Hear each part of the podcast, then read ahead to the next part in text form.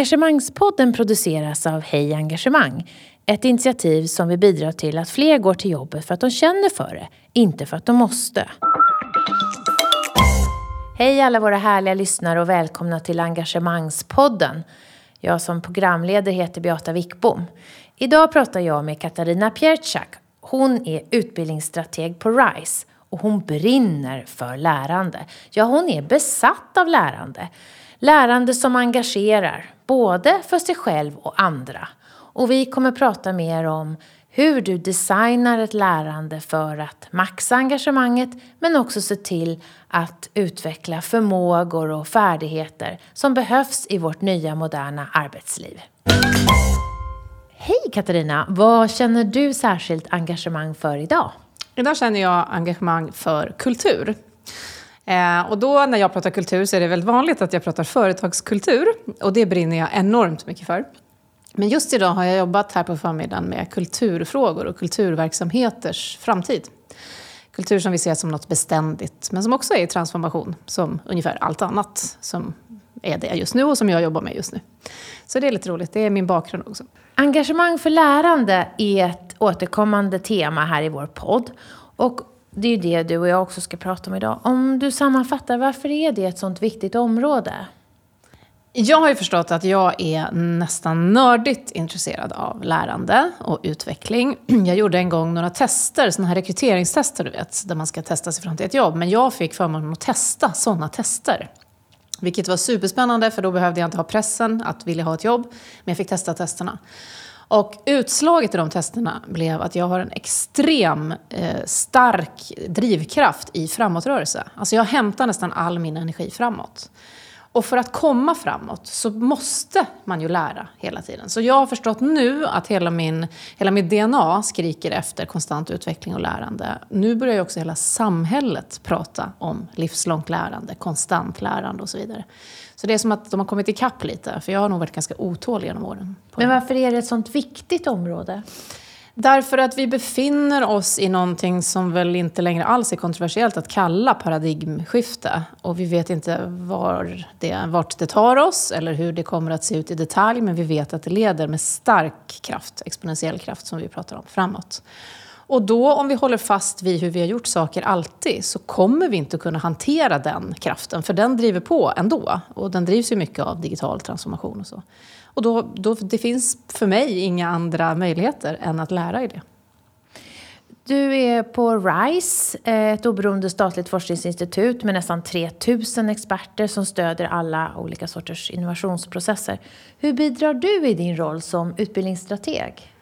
Jag hoppas och tror, och min uppgift är att bidra till just det vi pratade om alldeles nyss, med lärandet. Att eh, kanske göra betoningen ännu högre på, på att lärande är en del av... Vi har ju alltså oerhört många tillämpade forskare som går ut inom alla områden och jobbar ihop med branscher, med företag, med organisationer. Och jag sitter på en, en avdelning som är överskridande över hela RISE och heter Professional Education och jobbar med utbildning. Och vår uppgift är ju att stödja alla som jobbar med lärande och utbildning. Klassiskt sett så kanske man har tänkt att lärande och utbildning är en liten del av ett forskningsprojekt. Eller, eller kanske till och med att det kommer i andra hand, eh, om man tittar på i allmänhet på forskarvärlden. Ehm, här försöker ju vi jobba med att hela tiden implementera det och se till att lärande och utveckling och utbildning, om man så vill, jag har lite svårt för det ordet, det kan vi komma tillbaka till, eh, finns med. Att det är någonting som alla som jobbar med den här typen av utveckling hela tiden har i sinnet när man jobbar. Och då tänker du, hur sker lärandet? Vilket lärande har vi, vi fått av det här, den här insatsen? Hur kan vi designa för lärande? Är det, ska jag förstå dig på det sättet? Mm, min roll personligen är ju som just designer av lärande kan man säga, eller metoddesigner eller så. så. Man skulle kunna ta ett exempel, en traditionell kurs, en sån här som de flesta i arbetsför ålder har gått någon gång. För det är ju professionsutbildning vi pratar om. Att det är powerpoint och du sitter och tar emot och så. Eh, att försöka utveckla det mot den sortens lärande som vi ser behövs framåt. Och det är där den här svårigheten med ordet utbildning kommer in. För associationen till det ordet är ju i den här gamla linjära världen. Med de här kurserna, med det här mottagandet av kunskap och så. Som ju inte alls är att förakta i vissa kontexter. Och det behövs någonting mer tillägg till det idag. För några dagar sedan så skrev du på LinkedIn så här. De senaste veckorna har jag tänkt mycket på att jag äntligen befinner mig i den storm jag länge sökt mig till. Mitt i det komplexa, röriga, icke-linjära och utmanande. Att jag äntligen kan ta mig an det där ordentligt framgångskritiska och djupt mellanmänskliga på det sätt som krävs. Vad är det för storm du har sökt dig till?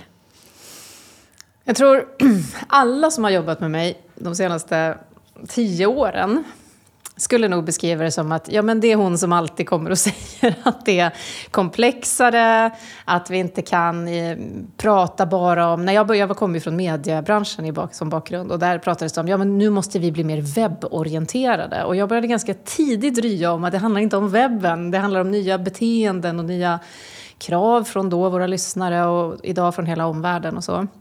Så alla vet att jag har liksom sökt mig till att problematisera. Jag önskar att det fanns ett ord som kanske hette komplexifiera eller något i den stilen. För det jag försöker att, att och det har att göra med den här fram, framåtrörelsen som jag söker tror jag, att hitta det som verkligen är på djupet eh, effektfullt. Och det är ofta komplext. Det är många parametrar och rörigt. Och idag så pratar ju alla i den här digitaliseringen om att ja, det, det har blivit så komplext och så. För mig har det länge varit nästan som en, ja, inte passion kanske, men en drivkraft. För på ett sånt här inlägg går det väl tusen där eh, de som skriver skriver precis tvärtom. Usch, jag befinner mig i komplext, rörigt, icke-linjärt och väldigt utmanande. men du är väldigt happy där du är just Nej, men nu. Det är klart att jag också ibland känner, och inte, jag kanske inte heller sällan känner så här, hur ska jag orka med det här? Det, jag är ju förstås en människa som alla andra i det här. Eh, och jag har faktiskt också ställt mig frågan några gånger, så här, varför måste jag ställa mig där det blåser så kraftigt? Eh, någonting i mig gör att jag gör det. Mm. Det betyder inte att det alltid är roligt. Eh, men ja, det är väldigt många som förstås tycker att det här är jättejobbigt. För um, du har varit projektledare, om vi tittar på det som är liksom det du jobbar med också, så vi förstår. Du har varit projektledare för en stor onlineutbildning som syftar till att hjälpa små och medelstora företag och, och organisationer att digitalisera. Eller egentligen att använda digital teknologi för att lyckas förändra sig, transformera sig. Berätta lite mer om hur ni har designat den här utbildningen. Mm.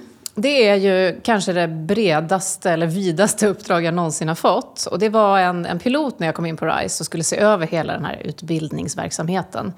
Så var det en som var eh, redan då finansierad av Tillväxtverket, alltså själva förstudien. Om ni skulle bygga någonting stort, utbildning pratade vi om då, på nätet i digitalisering för alla Sveriges små och stora företagare som grundmålgrupp, hur skulle då det se ut? Och min första fråga var ju förstås, vad menar just ni när ni pratar om digitalisering? Och då var svaret allt. Och då för alla i princip, kan man ju nästan säga.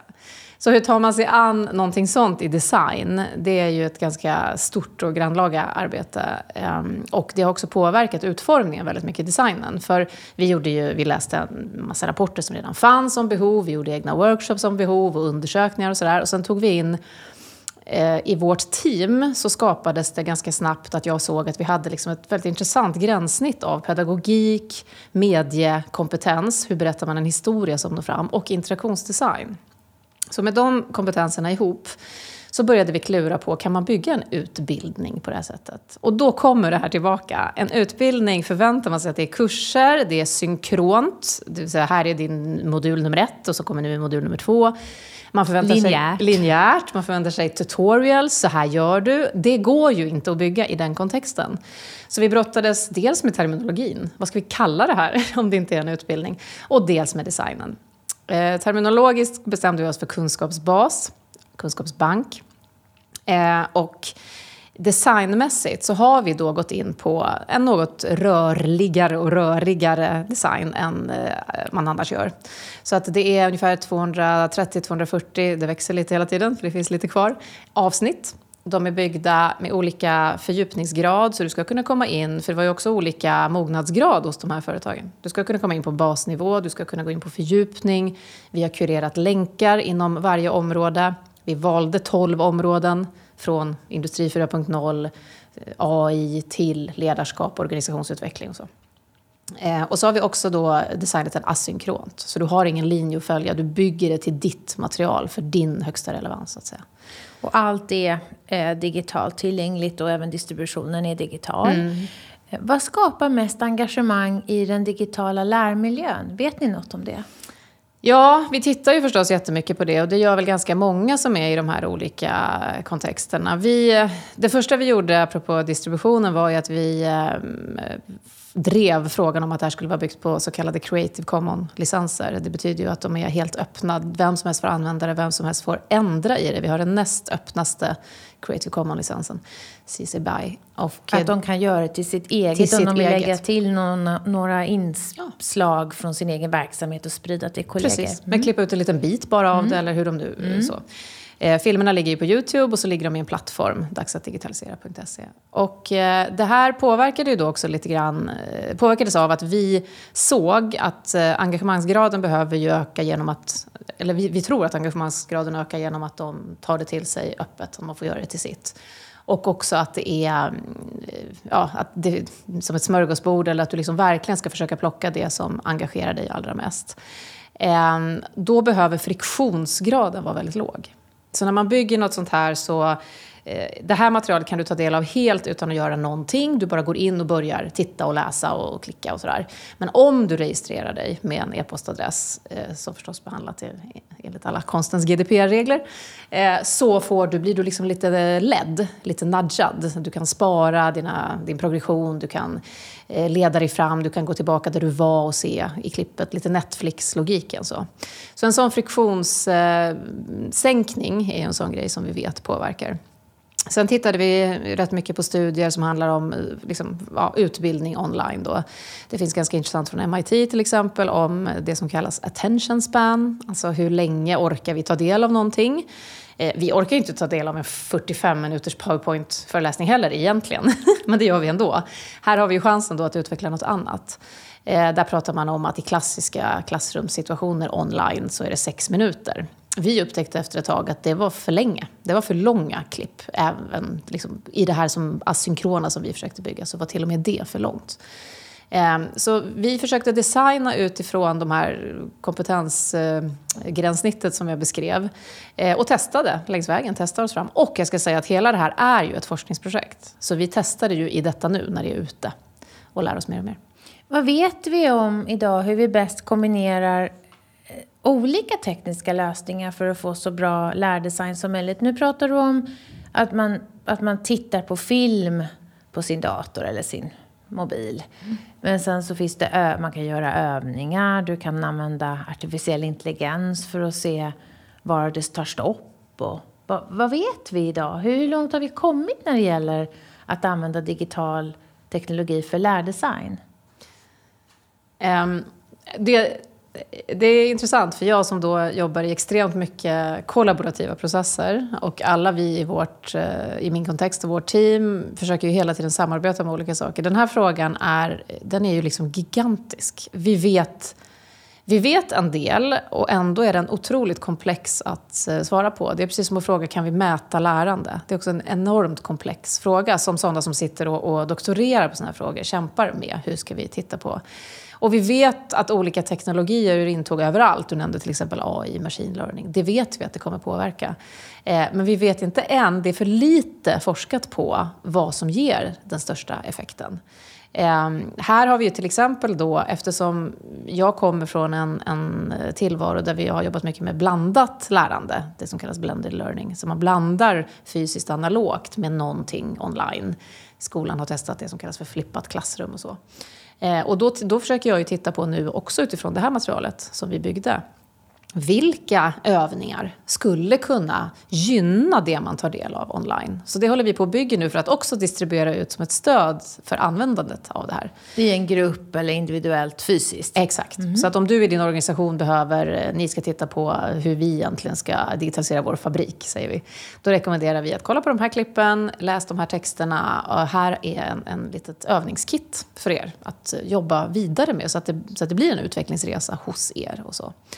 Eh, men eh, det, det, man tittar på inom liksom, studier och så, än så länge är ju mycket, förstås sitter det ju progressiva krafter och tittar på vad för AI, det sitter säkert folk och bygger i detta nu, eh, olika lösningar för det.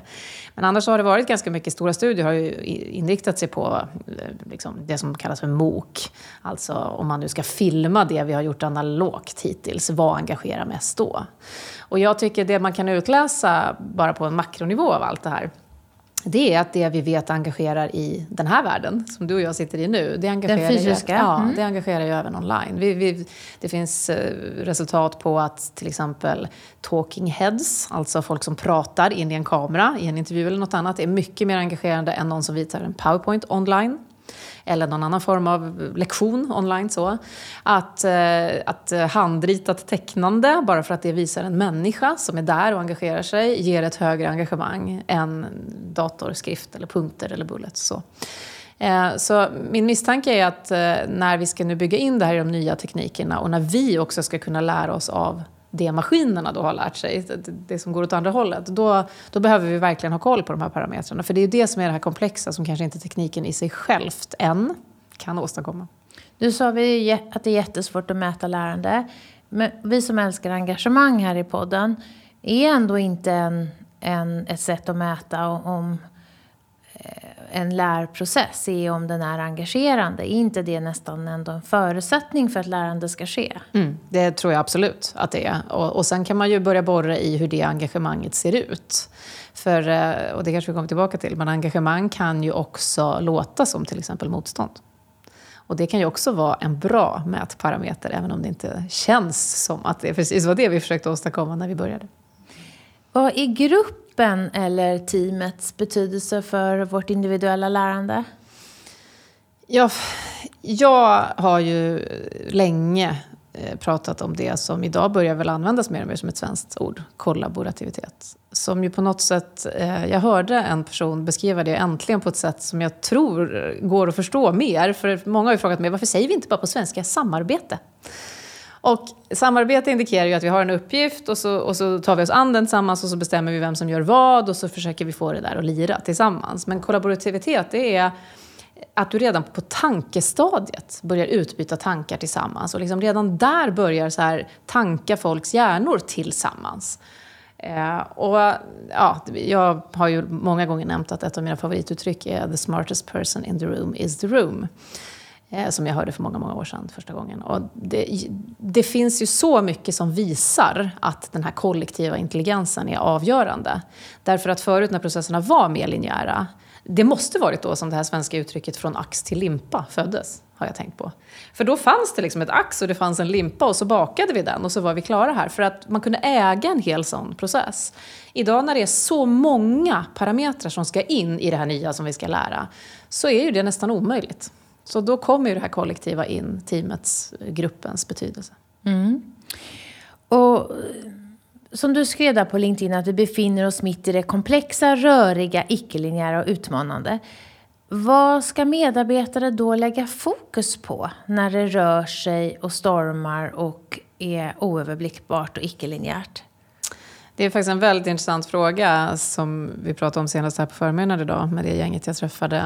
Ehm, en, en väldigt viktig grund som jag tror att man ibland kanske missar eller glömmer bort i sin iver att inte vara förändringsfientlig eller bara utöva motstånd, det är ju att i varje förändringsprocess så behöver någonting vara stabilt. För vi klarar inte som människor att allt gungar. Jag har varit inne och lett sådana processer där uppdragsgivaren gör om allt samtidigt. Och det blir ju ren krishantering. Eh, så att, att leta efter det som på riktigt eh, kan följa med oss in. För det är ju inte så att vi ska slänga ut hela vårt, vår plattform, vår stabila grund. Att leta efter den stabiliteten i förändringsprocessen. Och kanske också om man nu befinner sig i en sån som medarbetare, få skicka in, det här är upplever jag, helt omistligt för oss när vi nu går framåt. Det här behöver vi värna om, det här är vi stolta över. Eh, sen är det ju så att eh, det, det, kan ju vara svårt att kräva av medarbetare att vara så här öppna och tycka att det här röriga är så himla kul. För när det påverkar dig själv, den här klassiska bilden av ett gäng som får en fråga “Who likes change?” Vem gillar förändring? Och så räcker alla upp handen. Och sen “Who likes to change?” när det gäller dig själv och du ska förändras så är det inte lika många händer upp i luften. Därför att det är en, det är en eh, påfrestande process för hjärnan, kognitivt. Ehm, så det går ju inte att ge ett svar på hur medarbetare ska förhålla sig. Men jag tror att man kanske kan få en liten hjälp av att om vi tillsammans kan hitta det där som gör att vi ändå står, står upp, står fast på någon grund, så kan det underlätta. Vad ser du att du själv behöver avlära för att lyckas framåt? Du som vill fylla på, som vill utsätta dig för nytt, som vill stå i storm. Ingenting, jag tittar bara fram. Nej. Oj, det finns säkert så mycket olika saker som jag skulle behöva gå in i ännu, ännu mer. Um, alltså jag har funderat en del över att uh, min roll är ju också som facilitator ofta. Uh, det är också ett sånt uttryck som vi använder oftare idag. Förut var det ju mer lärare, kursledare, moderator. Eh, när man faciliterar någonting så möjliggör man ju andras tankar och andras utvecklingsresa och, och process. Och processledare är ju ett annat ord för det. Men facilitator används hyfsat ofta. Och, eh, om du är en väldigt engagerad människa som har ganska stark tro på vissa saker och ting, som jag kan ha, eh, då kan det där ju ibland eh, krocka. Att vara facilitator, ja, som inte att, ska tycka så mycket. Nej, och det, ibland kan det ju vara värde att tycka. Det beror alldeles på vad du faciliterar. Ibland kan det vara värde att komma med din egen input eller så. Men jag tror att jag kan behöva avlära min egen, min egen roll i vissa processer för att de verkligen ska komma framåt på de villkor som krävs i, i just det sammanhanget. Um, och sen har jag ju en massa idéer om om hur lärande går till som kanske inte alla är. Det finns, jag är helt säker på att det finns parametrar där som jag också behöver avlära.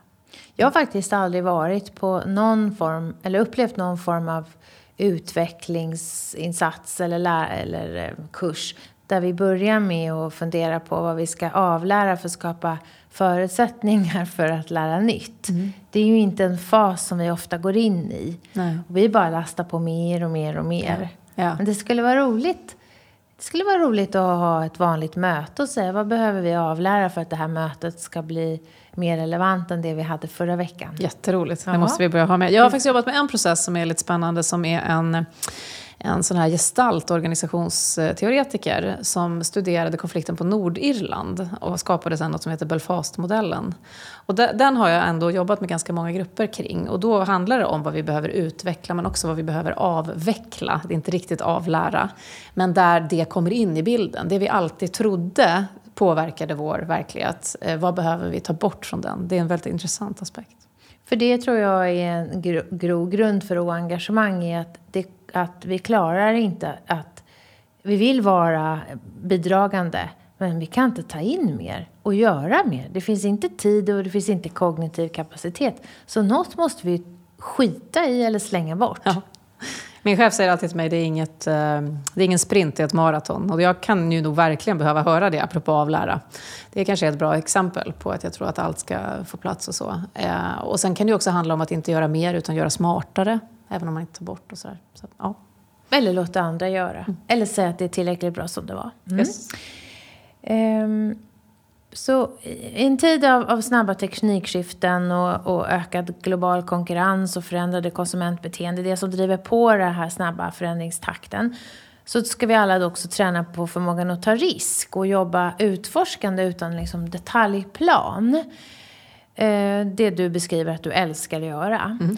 Eh, kommer jag få äta upp tror jag. ja, vad säger forskningen om hur vi kan träna den förmågan? Du som har så bra koll på forskning. känns som att jag får representera hela RISE samlade forskarkompetens här. Det gör jag inte, vill jag bara säga till alla som lyssnar. Jag är ju dessutom inte, har inte titeln forskare själv, utan eh, strateg. Men, eh, men det intresserar dig? Ja, det intresserar mig självklart. Och det är klart vi tittar på det. Nej, men jag går gärna tillbaka till det, den typen av makroperspektiv där det ju också finns forskning som handlar om när, när tar man en risk? Rent eh, beteendemässigt och, och, som människa så, så tar du ju inte risk om du inte känner att det är tryggt på något sätt att ta risken. Igen, det där med stabilitet i förändring. Det behöver finnas någon form av trygg kontext. Och där finns det, det finns en forskare som heter Paul Zack till exempel som har tittat på eh, liksom, ja, neurovetenskap, neuroscience of trust tillit som bygger, eh, forskning, äh, bygger forskning, som bygger eh, eh, trygghet just. Eh, och att utan trygghet så har du liksom ingen, ingen möjlighet att känna att, att du går vidare in i en riskfylld eh, process.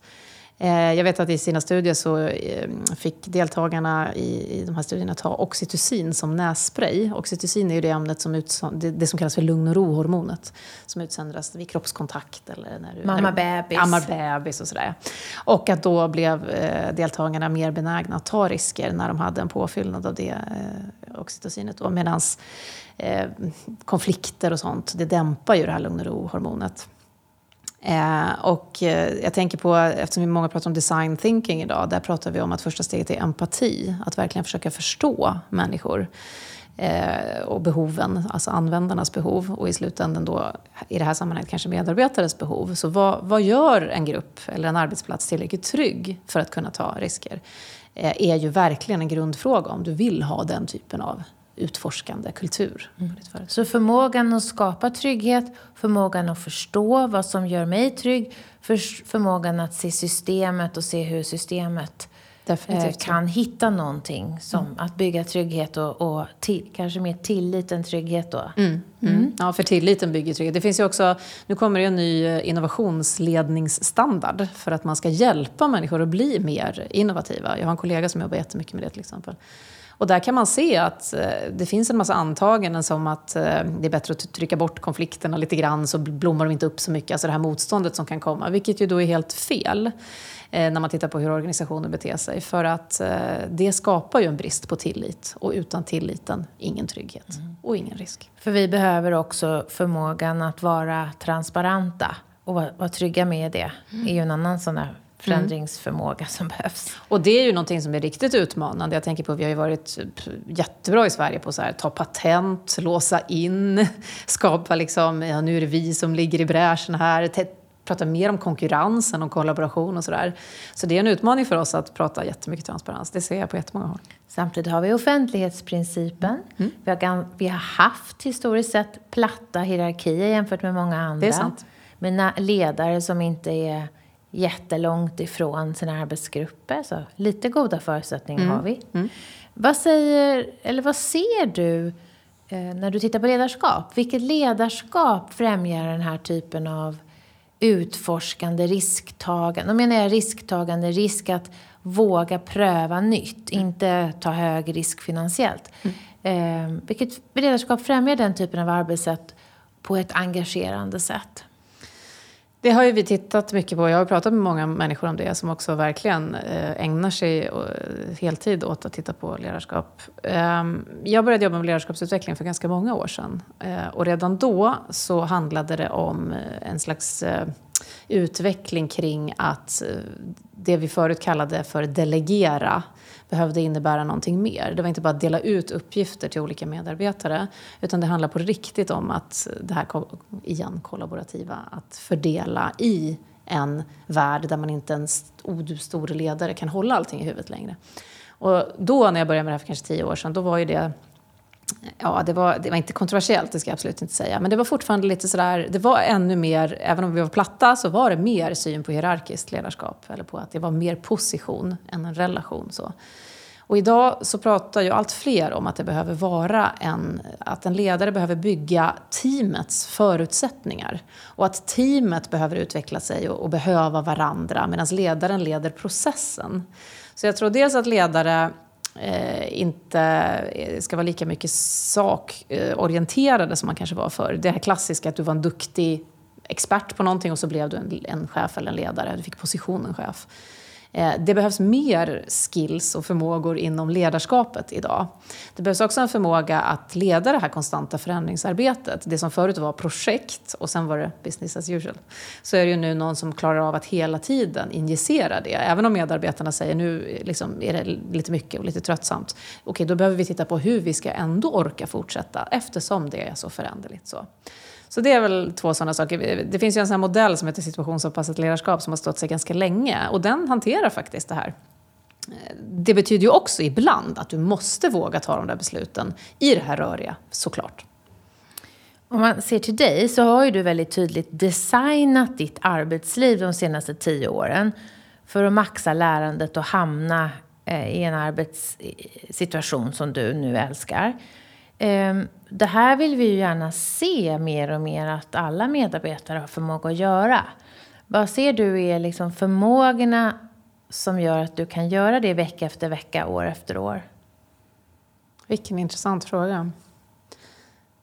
Ibland när jag pratar med eh, människor som lever kvar i de, eller jobbar kvar med den äran i de kontexter jag var i innan.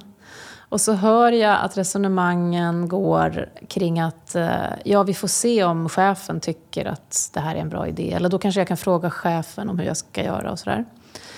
Och, och jag hajar till varje gång. För jag tänker, eh, nu kan jag inte säga att jag någonsin har, men det har jag ju såklart. Jag har ju varit en del av sådana typer av linjära organisationer där den kulturen råder. Men idag är det så främmande för mig att, min, att jag personligen skulle Eh, känna att mitt liv helt och hållet styrs. Det är klart att jag måste förhålla mig till den arbetsplats jag är. Jag har en chef, eller flera. Eh, men eh, det känns mer främmande idag. Och vad är det för förmågor? Det är ju, det är ju det är mod. Det är ju läskiga saker att driva. Det är eh, samtidigt ödmjukhet. Det är definitivt förmågan att kunna samarbeta eller ta in från andra. För att om jag hade trott att jag kan göra det här själv, det trodde jag nog i början att jag var tvungen att göra. Alltså jag kan nog få sådana prestationspåslag som gör att jag ska klara vissa saker själv. Eh, men jag har kommit ganska långt i att förstå att så är det inte. Eh, så jag tror att det är några sådana viktiga förmågor. Och sen eh, en kultur framför allt som stödjer det.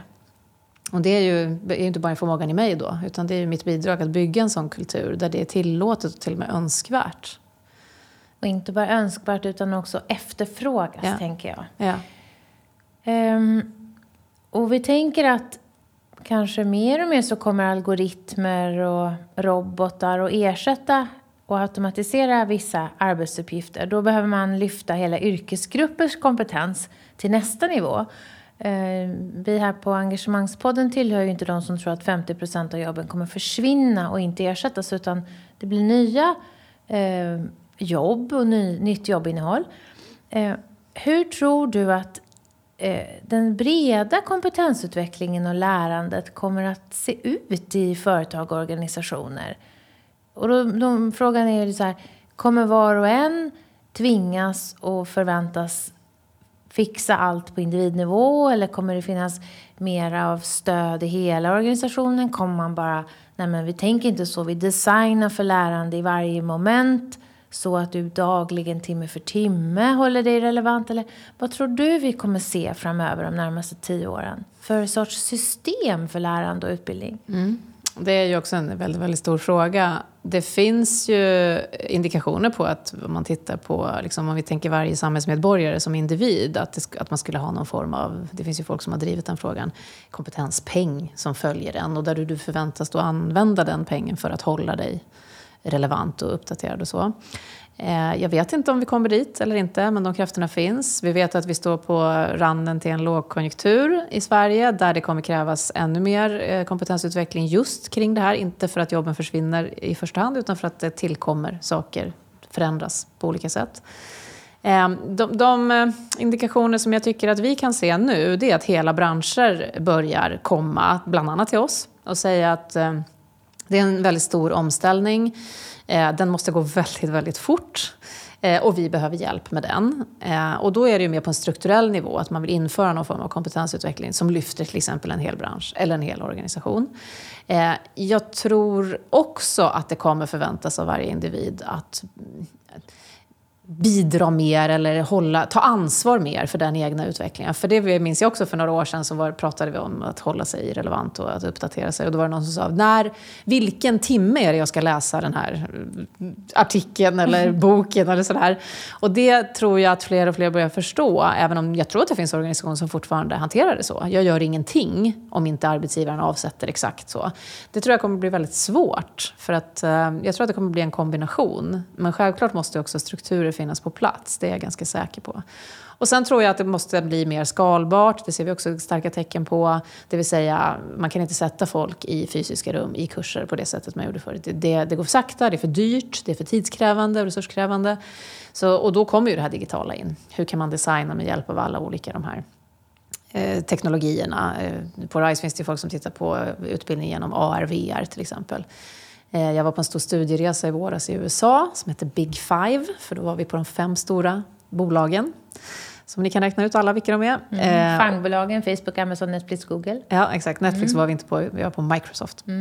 Men, eh, och där pratar man mycket om den här, liksom, eh, vi såg ju fantastiska exempel som man bara önskar skulle finnas överallt, i alla lärande situationer. Här var det ganska fokuserat kring skolan då. Eh, men den typen av verklighetssimulering som de här olika teknologierna ger.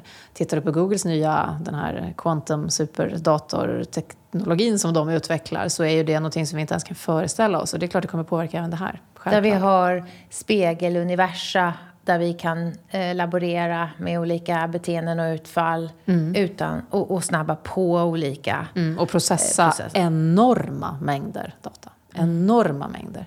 Så om man tittar på, det gäller ju skolan som vi jobbar ganska mycket med också, men också professionsutveckling och utbildning, så har vi haft för få mätpunkter, apropå att mäta lärande. Hur vet vi när vi har nått den där effekten? Här kommer det kunna nästan i realtid bli. Så då, på det sättet så skulle man kunna, det som du formulerade förut, kanske designa in i varje moment du gör. Att, att du liksom får en loop där du tittar på vad som hände och hur du lär dig framåt. Det är väl en liten bit kvar till det tror jag. Det går ju att göra det analogt. Mm. Att eh, efter halva dagen ställa sig frågan vad har jag gjort som har varit bra som jag ska fortsätta med? Vad ska mm. jag försöka ändra på? Och, eh, Mm. Vad borde jag prova? Alltså, jag tycker den här vad hände, vad kände, vad lärde är väldigt ja. bra. En sån loop som man om, man, om man... Och det pratar jag så ofta om när jag träffar människor som, där vi pratar om reflektionens roll. Vi är väldigt duktiga på att recensera. Om man frågar en grupp som man har haft en, en dag i ett rum, så, hur var det här? Eller vad, vad hände med dig? Då säger de så oh, det här var bra och det här var bra, det här var inte så bra. Det, vi går direkt in i recensionsmodet. Eh, men om man ber någon reflektera, då måste du ner i varje person. Och då är ju den där vad hände, vad kände, vad lärde ganska bra. Och orkar man designa in det i sin arbetsvardag, i alla fall en gång i veckan då, om inte varje dag, så har man kommit jättelångt. Hur ska vi skapa engagemang för den här förflyttningen att ständigt tänka hur kan jag ta ansvar för att hålla mig relevant? Vad är nästa sak? Vad är det jag bör avlära och merlära, upplära, sidolära? Alla medarbetare och människor vill ju inte förflytta sig. Det är ju ganska tydligt att vi ser att vi börjar se både ett motstånd, vi ser gula västar mot samhällsutvecklingen i stort. Vi ser eh, ett, också ett digitalt utanförskap. Eh, de som, som, som, inte hänger med och nästan har gett upp och inte kan vara med längre. Hur, hur ska vi skapa engagemang för förflyttningen? Ja, det där är ju, det där är ju extremt bekymrande om du lyfter upp det på högsta makro liksom samhällsnivå så, så är det ju ingen eh, tillfällighet, tror jag, att de här liksom, auktoritarianistiska krafterna finns. För att det är mer stabilitetsingivande, det känns mer stabilitetsingivande. Um, och det är bekymrande detta med liksom digital klasskillnad och, och, att vi inte kan än så länge hitta alla. Jag tror om det handlar om eh, det här motståndet eller den här känslan av att det här vill jag inte eller det här orkar jag inte, jag vill inte förflytta mig och så. Så är det lite tillbaka till det som jag pratade om när jag pratade om det här online-materialet. Eh, och till Nobelpriset i ekonomi kring nudging på något sätt. Eh, som jag i alla fall försöker utforska kring. Hur, gör man, hur, hur försöker man förstå människor? Mm. Hur gör man det tillräckligt lätt eller liksom mindre svårt att förflytta sig i någon viss riktning. Det här klassiska exemplet med en fluga målad i en toalettstol, bara för att försöka ha någon form av metafor till det. När man ville att, bara för att säga, ja, visst, man ville inte att män skulle kissa vid sidan av toaletten, så då satte de en liten bild, ritade de en fluga i svart på botten av toaletten och då vet vi att mm tävlingsinstinkten gör att du försöker pricka den där mm. flugan och då kissade fler i toan. Det är mm. nudging. Mm. Och då minskade behoven av städning, städning. oerhört mycket runt omkring. Då, så. Eh, så Nadine, jag tror, det är en intressant, eh, om vi har trott eh, tidigare att vi var mer rationella än vad vi var och att det bara var att banka in i folk hur de skulle göra och så gjorde de ändå inte det. Alltså, ibland så kan jag nästan inte låta bli att le även om det är allvarliga frågor när man ser sådana här, varför slutar alla bara inte flyga nu i klimatkrisens spår? Så, ja, därför att det är så här vi beter oss. Så jag tror att vi behöver tänka mycket på det och sen tror jag att att det här med facilitera vad du än gör, facilitera ditt, ditt, din omvärld, ditt samhälle, din, ditt sammanhang. Eh, alltså, försök lyssna mycket, ställa mycket frågor, leda människor i en process som känns trygg. Även om utkomsten är högst osäker och otrygg på olika sätt. Så ehm, och kanske det här med, som jag sa, att jag drivs så mycket av en framåtrörelse. Det var en väldigt stark aha-upplevelse för mig att få det svart på vitt, även om jag visste det ju någonstans. Men jag, jag förstod plötsligt så många situationer där jag kanske har klaschat lite med de som, som känner att, att ett, ett, ehm, en stabilitet och ett konserverande är väldigt viktigt. Så, så det, var en sån, det var en avlärande process. Att liksom förstå att här behöver jag, vi behöver tillsammans prata om vad driver dig, vad driver mig. Vi kanske vill lika gott i slutändan. Och sådana saker tror jag organisationsmässigt är väldigt viktiga att plocka upp om man vill att folk ska förflytta sig. På dig verkar det ju som ditt engagemang är som högst om du är i lärande. Kan du försöka beskriva hur känns det då när du är engagerad? Nu ler Katarina med hela ja. ansiktet. Nej, men jag har verkligen funderat på det. För att det kan ju ena dagen... Alla vet ju hur någon form av flow känns. Det, flow kan du ju dock uppleva även om det inte blev något lärande. För att det blev något härligt, gosigt, varmt. Liksom så. Det kan vara ett lärande. Då blev det en upplevelse Då blev kanske. det en upplevelse, men vi tänkte kanske att det var lärande. Jag har ju haft genom åren lite svårt för när vi har ibland lite så quick fix eh, tankar om hur vi ska skapa lärande och så känns det himla bra. Och sen undrar man vad händer ett halvår senare om jag kommer och frågar hur gick det då?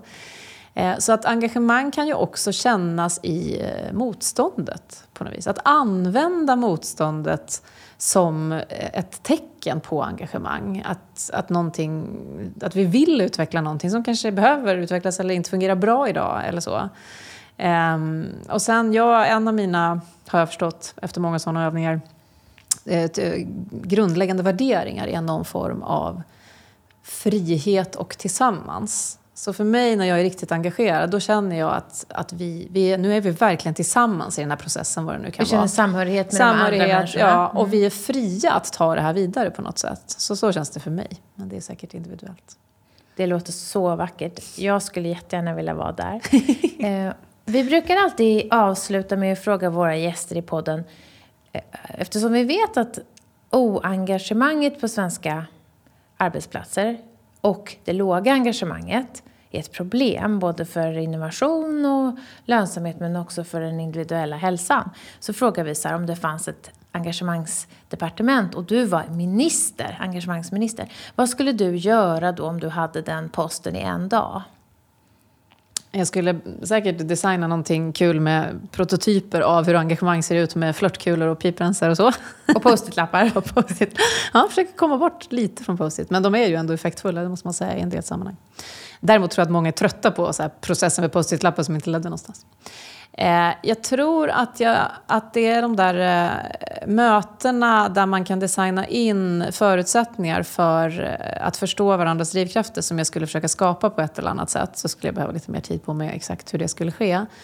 Ehm, och så skulle jag, tror jag, försöka få fram, ungefär som när man, gör en, när man bygger ett team, så när jag jobbar med teamutveckling så är en viktig parameter att alla får berätta hur det här är vad vi tror oss behöva åstadkomma.